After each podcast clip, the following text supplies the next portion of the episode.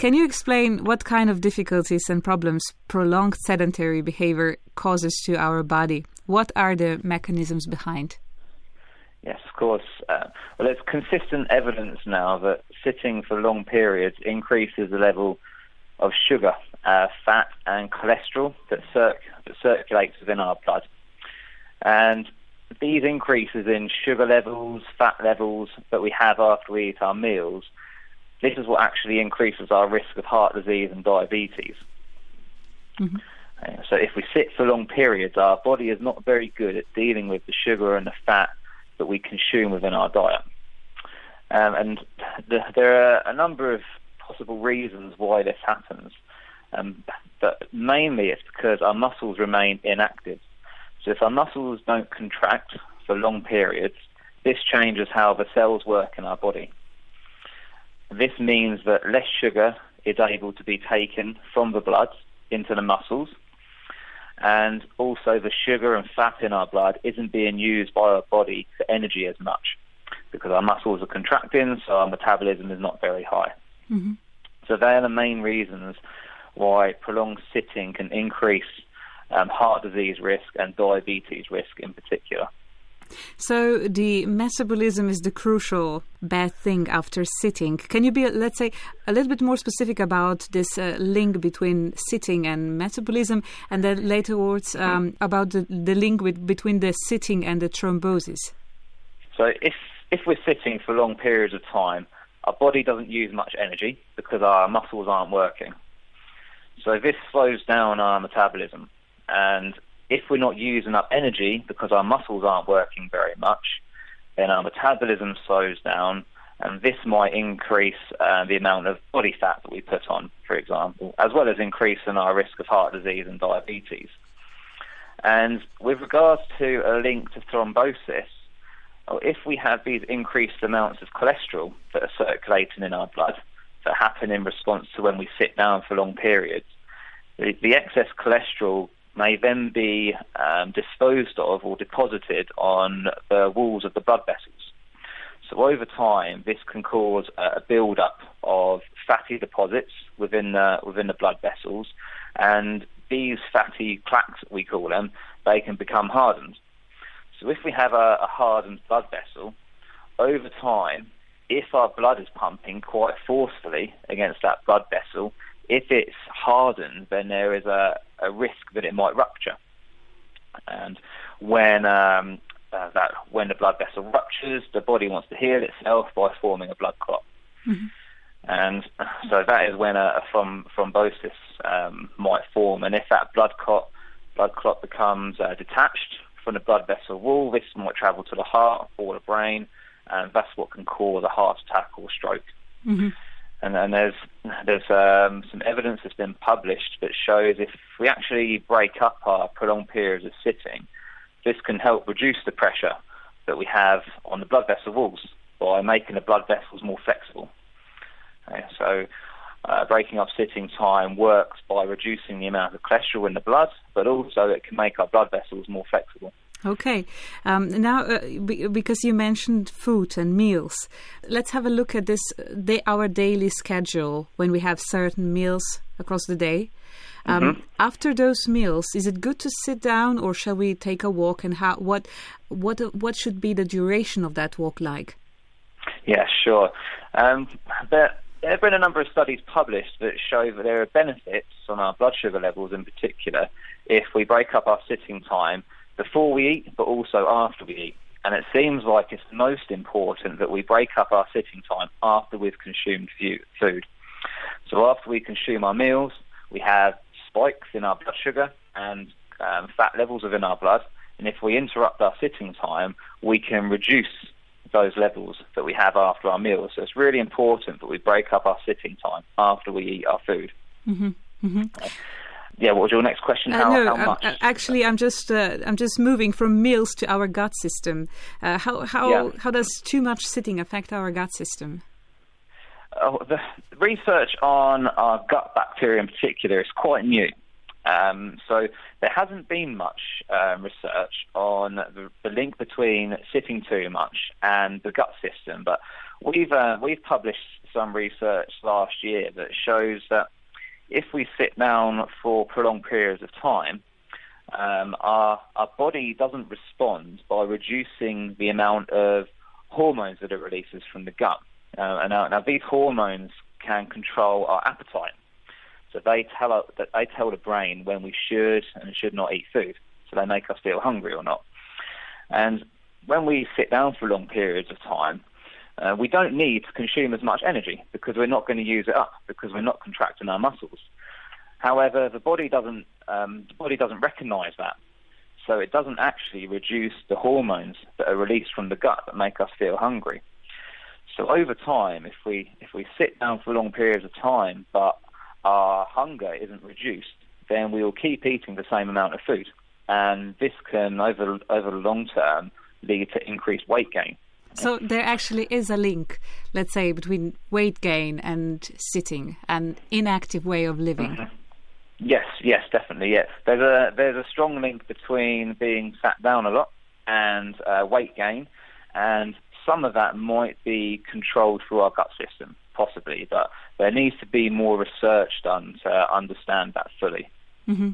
I didn't put down this question in my mail, but I'm still wondering is there also a link between aging and sitting too much? Um, some months ago, I uh, there was in Daily Science um, an article that was actually saying just that, that there is some kind of a link between so getting the older women got even mm-hmm. older so that their cells were aging faster than the other women who were not so much passive. Yeah, um, there, there's good reason to suggest to believe that that is the case. Uh, we, we know people that sit down for long periods of time, they um, they develop the diseases earlier. They also will die earlier. Um, so yes, this this all suggests that sitting down for long periods of time will speed up the aging process. Mm-hmm. So Daniel, let's move to that uh, practical part of that interview. Can yeah, you sure. can you tell us what would be then the fir- the perfect balance for someone who daily works in a sitting position?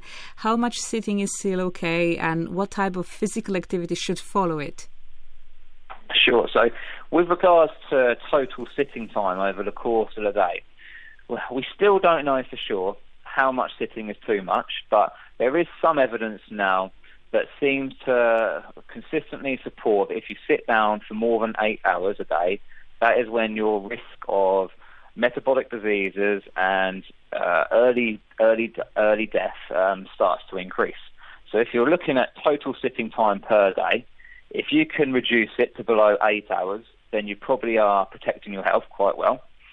But what we believe is more important is that you don't sit for long periods at a time. So I would say instead of a focus on a total amount of sitting time, it's more important to make sure you're not sitting down for long periods at any one time. So what we suggest is that you try to not sit down for any longer than 30 minutes at a time. So every 30 minutes, if you can get up and move around, preferably for two to three minutes at least, that is what's going to reduce your heart disease and your diabetes risk in particular by lowering your blood sugar levels. Mm-hmm. Uh, and with regards to the type of moving around that you should do, there's a lot of evidence to support walking as being beneficial. Okay, um, but standing has also some support in the literature as well. So I would say standing is a good starting point. If you can move around a bit more by walking, then you'll get even more benefits. Mm-hmm. What kind of uh, moving? So you you mentioned standing, but this is just the starting point, not too much standing, and then walking. Uh, what kind of should be like taking stairs or just a very okay, slow yeah. walk? sure. Um, there, it seems as though if, if you walk slowly, or if you walk briskly, you are likely to get the same benefits actually. Mm-hmm. Okay, so it's probably not as important with um, regards to what intensity that you're um, moving around and being active at. It's just more important that you're interrupting your muscles not contracting. Uh, that that seems to be the key. Okay? Mm-hmm. So if you can get up and do a slow walk, that's going to be good, and it's probably just as beneficial as doing a brisk walk. Mm-hmm. Uh, with regards to going up down the stairs, that is usually quite more intense, uh, and it's it's possible that you might get greater benefits if you go to a high intensity activity, but at the moment we haven't got evidence to support that. Mm-hmm. Okay, so what I would say, if you can just achieve a slow walk, then you should get good benefits just from doing that. You've mentioned before two or three minutes every 30 minutes. Um, what about just, a, let's say, if you just stand up and stretch your arms, stretch your legs, uh, make a minute of walk and sit down back again? Is this official enough or it's not? Um, with, with regards to just just stretching, um, we would need to add something else to it. If you're just stretching, you're not contracting your muscles very much. Okay, um, mm-hmm. so you, you, probably need to do a bit more than that. Mm-hmm. Right? Um, so if you can walk around, if you can just achieve a, a one-minute walk every half an hour, okay, then that is likely likely to be better than not getting up and breaking up your sitting time at all. Right? Um, um mm-hmm. Go on. Yeah, just go on. you you wanted to say something, say, yeah. yeah. But but um, you know, what is most consistently reported is that we get benefits. There's consistent benefits observed if we do interrupt our sitting time with two to five minutes of activity. Okay, so one minute, good starting point, but probably to get good benefits needs to be at least two to three minutes. Okay, but um, if some people have a certain kind of jobs where they really need to yeah. sit down, for example, I, I know a couple of receptionists who need to sit down, or the people, uh, let's say, bank accountants who have to sit down, let's say, for an hour and a half and so on. What could they do when they are seated? Yeah, so it, it is a challenge with these kinds of individuals, and we're actually uh, conducting a study in a workplace at the moment that has these types of uh, staff working for them. And, and what we've found is when, when we actually sit down and talk to these members of staff, even though they feel they might need to be sat at a chair for an hour, hour and a half, like you say, we could still find ways for them to interrupt their sitting time. So, for example, um, if they are able to purchase a height adjustable desk, then then great. Um, many staff don't have the money available to do that, or their employer won't won't pay for those types of desks. If that's the case, then receptionists, for example, they spend a lot of time on the phone. So could they get a headset? Uh, and then when they're on the phone, they could be up on their feet, moving around and talking. Or even if they have a, a phone that has a cord on it, they could still stand up while they're on the phone. So we've, we've found that to be a, a really good way to reduce sitting time in receptionists in particular. Mm-hmm. Um, for, for other individuals, um, such as bank accountants, like you say, um, a lot of workplaces have hot desk areas. And we're now suggesting that those hot desks are standing desks. Um, so if they need to, they can go and work at a standing desk somewhere in their workplace. Now, if all of these ideas are really not realistic for these individuals, then probably as a last resort, if they do have to remain sat down, they could potentially um, do uh, butt squeezes. Okay, they clench uh, they clench their buttocks, their muscles in their buttocks. They still are contracting their muscles. Um, they could potentially purchase um, a device that you can place under your desk, either a, a small cycling device or a little step device. Um, these are these are really cheap and mm-hmm. readily available. So there there are a, a, number of different solutions. So we should be able to find a solution um, for for every type of individual that works. As you were mentioning the solutions, uh, now uh, I, I, know some people that have this type of a chair that is moving around and it's good for their backbone, or mm-hmm. some people sit on a ball. Um, yeah. Is this is this actually comparable to walking or moving around, or is just a good thing for their backbone? It's it's more of a good thing for the, the muscular, musculoskeletal problems that they may they might have. Okay, so for their backbones, for example, with um, using the the balls that they can sit on, uh, the the evidence suggests that that doesn't actually increase your energy expenditure. Energy expenditure, so it's not really much different from sitting on a normal chair.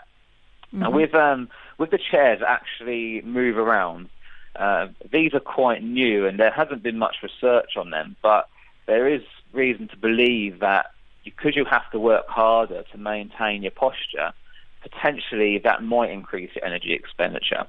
But at the moment, uh, as, a, as an expert in the area, I, I would not suggest those uh, to staff until we know more about the research, until we have the opportunity to understand them more. Mm-hmm.